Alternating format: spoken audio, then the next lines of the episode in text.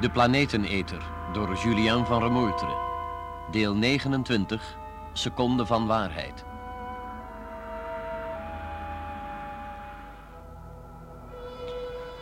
Toen Erika en ik de gebouwen van de Noordzeebasis bereikten, vernamen wij dat er brandalarm was in de kamer waarin dokter Kimball waarschijnlijk had geconfereerd met ruimteingenieur Small en professor Hinde. Dat ogenblik waren wij ervan overtuigd dat deze laatste twee zich niet meer in het gebouw bevonden, hoewel zij, zoals u weet, er in feite wel waren.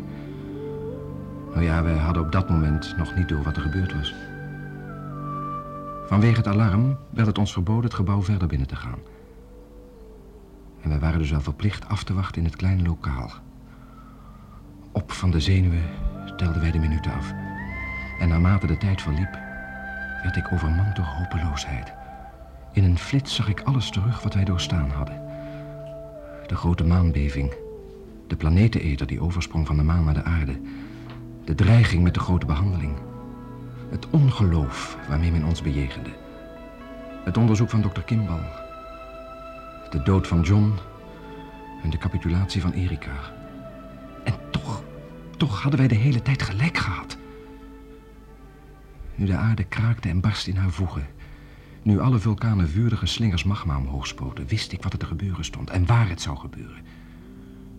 De Zuidpool, die wegsmolt, die geteisterd werd door de vreselijkste stormen die ooit gewoed hadden. Maar wat baat het nog? Was het niet onherroepelijk te laat?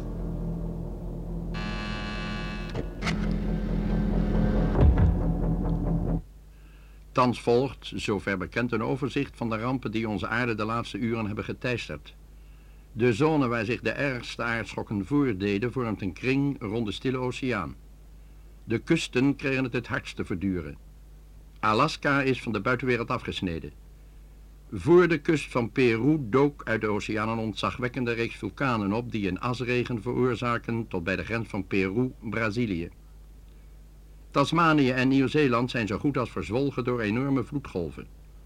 De bases op de Zuidpool zwijgen al twee uren. Hun laatste berichten luiden dat de bodemtemperatuur met sprongen stijgt. Ten noorden van de Rosszee drijven ontelbare reusachtige ijsbergen.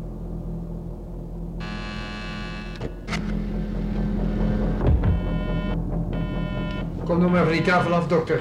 De brandploeg zal vluchtig plaatsen zijn. Oké. Zo. Zo, dat is dat. En wat nu? Wat ik nu ga zeggen, dat zal u vreemd in de oren klinken, mijn heren, maar tijd voor een nadere toelichting is er niet. U moet mij onvoorwaardelijk geloven en doen wat ik u vraag. Het is de enige weg om de aarde misschien nog van de ondergang te redden. Ik heb nog nooit iemand zo in raadsels horen spreken. Maar goed, we zullen doen wat u zegt. Zodra wij uit deze ruimte komen, moeten wij een zo duidelijk mogelijk overzicht krijgen van wat er momenteel op de wereld gebeurt. Ik meen dat vooral de omgeving van de Stille Oceaan zeer belangrijk zal zijn en de Polen. Intussen moeten de zwaarste kernraketten lanceer klaar worden gemaakt. Maar die raketten zijn uitsluitend de zaak van de president. Als u het niet doet, dan hebben wij over een paar uur misschien geen president meer voor eeuwig en altijd. Wij worden bedreigd door een buitenaardse macht bij de heren. Vergeet dat toch vooral niet. Kunt u dat bewijzen? Jawel, maar er is toch geen tijd meer voor. Nou, we zullen wel moeten, hè, Small? Goed, ik neem de verantwoordelijkheid op me. Hoeveel raketten zijn er nodig? Zoveel mogelijk. En ze moeten neerkomen in een praktisch onbewoond gebied, zeer waarschijnlijk een van de Polen. En de poolbasis dan? We hebben toch geen keus, professor? Het leven van enkele tientallen tegen het leven van miljarden. En het bestaan van onze planeet. Weet u wel wat u te wachten staat als zou blijken dat u het fout hebt, dokter Kimball? Ik weet wat ons allemaal te wachten staat als u het niet doet, meneer Schmol. En dat is een stuk erger. Aan u de keus. En let u wel, ik kan me zeer goed voorstellen wat er nu in die omgaat, hoor. Oh, daar is de brandploeg. Jongens, haal ons hier als de bliksem uit. We zijn opgesloten. Forceer het slot, maar haast jullie. Gaat u akkoord, meneer Schmol? Er zal wel niets anders op zitten, dokter.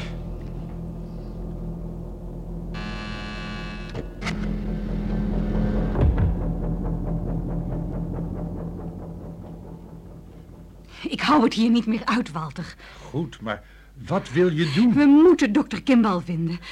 Er is wat met hem gebeurd, dat voel ik. Ik begin nou stilaan meer dan genoeg te krijgen van al die gevoelens.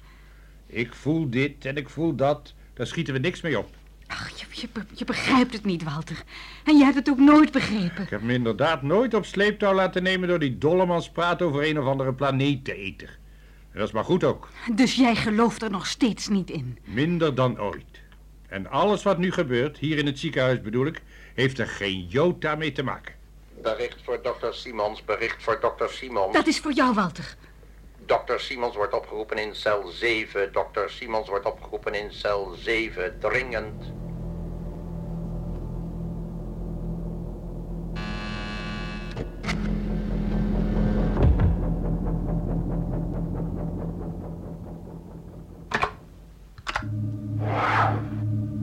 Hallo mensen, groot nieuws. Peter. Dokter Kimball zat opgesloten samen met Smol en Hinde. Wat? Wat? En ik dacht dat die Dat twee... dachten wij ook, maar het blijkt niet waar te zijn. Erika en ik hebben slechts enkele woorden kunnen wisselen met Kimball. Hij zei dat hij hoopte spoedig tot een oplossing te komen. Maar hoe dan? Dat weten wij ook niet. Maar hij voegde er nog aan toe dat wij gelijk hadden. Toch niet met, de, met die planeten Ja, eten? dat kan hij nou anders bedoeld Oh, hebben. Peter, ik heb het altijd geweten. Rustig maar jij. Er is in elk geval iets op til. Iets geweldigs, vermoeden wij. Waar zijn Kimball en de geleerde heren nu heen? In de centrale computerafdeling. Ja, wij konden niet mee, dus wachten we hier af. En reken maar dat wij Kimball zullen opvangen. Laten wij er ook heen gaan, Walter. Nee, nee, nee. Het is echt beter dat wij op verschillende posten aanwezig blijven. Peter, jij houdt ons in elk geval op de hoogte. Eh? Kan ik jullie op dezelfde wijze bereiken? Ja, afgesproken. Wat doen we, Greta? In de bar of ergens op een bureau? Oh, liefst in de bar. Ik, ik wil mensen om me heen zien. Oké, wij blijven hier op post. Tot straks.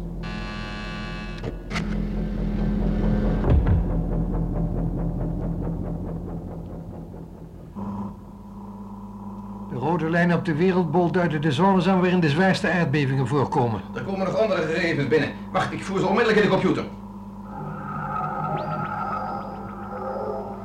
Wel, het blijkt overduidelijk dat de stille oceaan de kern vormt. Inderdaad. En wat nu met de Zuidpool? Wacht even. Van de basis komt helemaal niets meer door. Laatste berichten, fantastische stijging van de grondtemperatuur.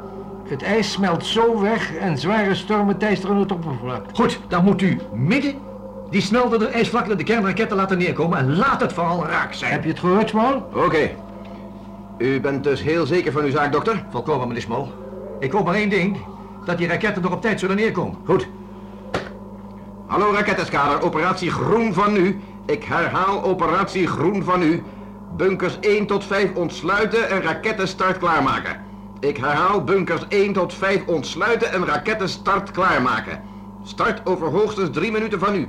Meld u elektronisch. Meld u elektronisch. De inslagplaatsen zijn onnauwkeurig bepaald, Small. Dat weet ik. We zullen het bij benadering moeten doen. Kunt u de raketten enigszins spreiden? Dat lag in mijn bedoeling. Wat zegt de computer, professor? Hij verwerkt momenteel de laatste gegevens. Ach, dat is de vreselijkste gok die ik ooit gewaard heb. Die arme kerels op de basis. Die hebben het waarschijnlijk niet overleefd, professor.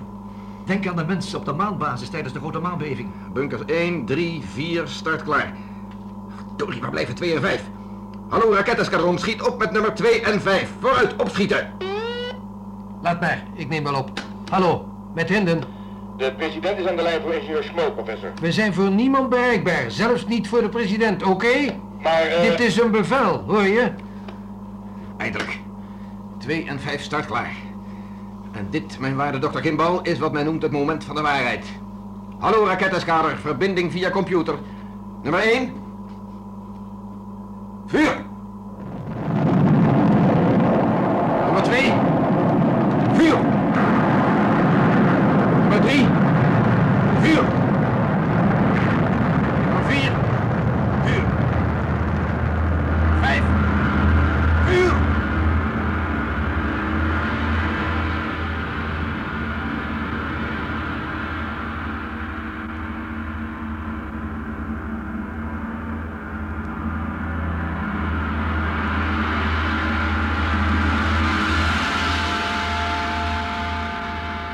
Jullie hebben geluisterd naar het 29e deel van de Planeteneter door Julien van Remoerteren, Seconde van Waarheid. Rolverdeling, Dr. Karel Kimbal, Jan Borkus. Dr. Walter Simons, Willy Ruys. Peter Lansier, Hans Karsenbarg. Greta, Barbara Hofman. Professor Hinden, Frans Somers. Ruimtevaartingenieur Schmol, Paul van der Lek. Portier Hans Hoekman. Omroeper Frans Kokshoorn. Technische realisatie Ton Prudon, Beer Gertenbach en Bram Hengeveld. Regie Bert Dijkstra.